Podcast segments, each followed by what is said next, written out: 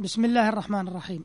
الحمد لله رب العالمين والصلاة والسلام على أشرف الأنبياء والمرسلين نبينا محمد وعلى آله وصحبه أجمعين. أيها المستمعون الكرام سلام الله عليكم ورحمته وبركاته. أما بعد فإن كل عاقل منصف لا يسعه إلا الإعجاب بعظمة النبي صلى الله عليه وسلم والتصديق بما جاء به. ذلك أن الأمارات الكثيرة شاهدة بعظمته ناطقة بصدقه. ولا ريب أن شهادة المخالف لها مكانتها فالفضل كما قيل ما شهدت به الأعداء. والحديث في هذه الحلقة وحلقات قادمة إن شاء الله تعالى سيدور حول عدد من الشهادات التي أدلى بها جمع من الفلاسفة والمفكرين من غير المسلمين من النصارى وغيرهم. وأول هذه الشهادات في هذه الحلقة شهادة الفيلسوف الإنجليزي الشهير توماس كارليل. الحائز على جائزة نوبل للسلام. وهذه الشهادة تكاد تكون أشهر وأعظم شهادة نطق بها كاتب غربي في العصر الحاضر.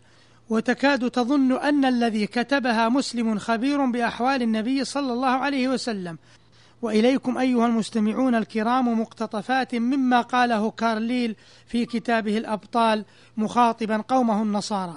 يقول لقد أصبح من أكبر العار على أي فرد متحدث في هذا العصر أن يصغي إلى ما يقال من أن دين الإسلام كذب وأن محمدا خداع مزور وإن لنا أن نحارب ما يشاع من مثل هذه الأقوال السخيفة المخجلة. فإن الرسالة التي أداها ذلك الرسول ما زالت السراج المنير مدة 12 قرنا لنحو 200 مليون من الناس. أفكان أحدكم يظن أن هذه الرسالة التي عاش بها ومات عليها هذه الملايين الفائقة الحصر والإحصاء أكذوبة وخدعة؟ أما أنا فلا أستطيع أن أرى هذا الرأي أبدا. ولو أن الكذب والغش يروجان عند خلق الله هذا الرواج ويصادفان منهم هذا القبول فما الناس إلا بلهم مجانين فهو أسفا. ما أسوأ هذا الزعم وما أضعف أهله وأحقهم بالرثاء والرحمة. وبعد فعلى من أراد أن يبلغ منزلة ما في علوم الكائنات ألا يصدق شيئا ألبتة من أقوال أولئك السفهاء.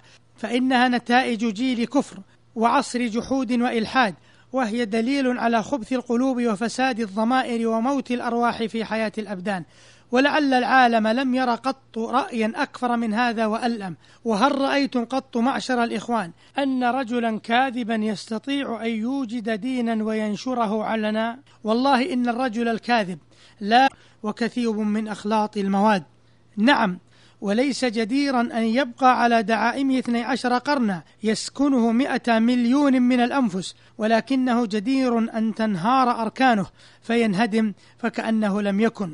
إلى أن قال الفيلسوف الإنجليزي كارليل فلسنا نعد محمدا هذا قط رجلا كاذبا متصنعا يتذرع بالحيل والوسائل إلى بغيته ويطمح إلى درجة ملك أو سلطان أو إلى غير ذلك من الحقائر.